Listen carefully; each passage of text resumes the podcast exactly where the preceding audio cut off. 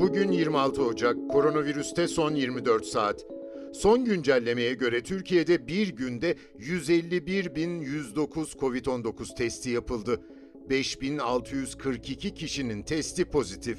137 kişi hayatını kaybetti. Yeni hasta sayısı 671. Hali hazırda toplam ağır hasta sayısı 1808. Yeni aşılar ulaştığı aşılama seferberliğinde şimdi 80 yaştakiler aşılanıyor ve aşılarla ilgili pek çok meselede tartışılmaya devam ediyor.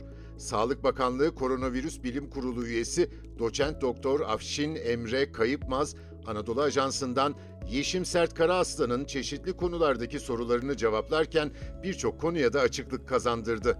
Önce uluslararası düzende aşı zorunluluğu meselesi. Bildiğiniz gibi Sağlık Bakanımız aşının zorunlu olmayacağını zaten daha önce de açıklamıştı.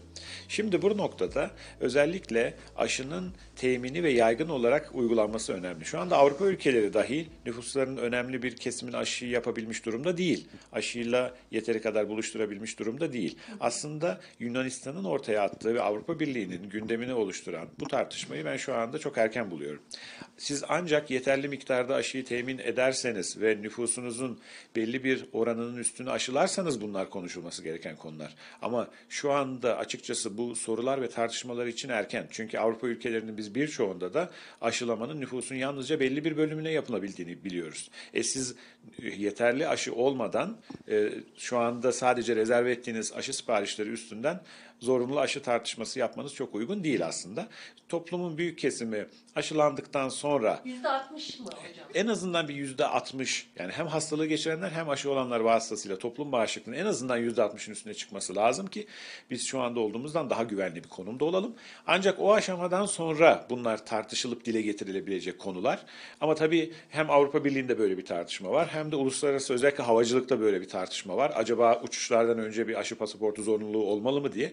Ama bunlar şu anda aşının arzıyla doğru orantılı olarak şekillenecek durumlar. Şu anda talebi karşılayacak düzeyde dünyada bir arz yok ne yazık ki. E, şu anda firmalar üretim kapasitelerini arttırıp insanlarla bu aşıları buluşturmak yönünde e, çalışmalar içerisinde.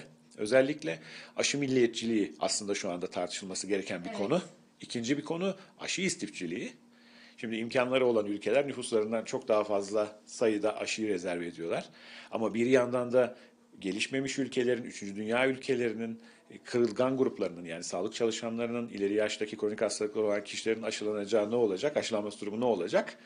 Şu anda bilinmiyor. Aslında üzerinde tartışmamız gereken konu belki de aşı milliyetçiliği ve aşı istifçiliği şu anda. Dünya Sağlık Örgütü direktörünün geçtiğimiz günlerde çok gerçekten e, insanın içini acıtan da bir açıklaması olmuştu. Afrika ülkelerinden bir tanesine 25 milyon değil altını çizelim 25 doz aşı gönderildiğini söylemişti. Evet, Doktor Tedros'un bu konudaki hassasiyeti son derece önemli. Sonuçta dünyadan bahsediyoruz ve biz bu hastalığı dünya üzerinde bir şekilde baskılayamaz isek diğer ülkelerinde tehlike altında olması durumu geçmeyecek. Şu anda Güney Afrika'da olan bir mutasyonun, Brezilya'da olan bir mutasyonun, Amerika'da gözlenen bir mutasyonun bizler için nedenle tehlikeli olabildiğini biliyoruz. Çünkü uçak yolculukları var.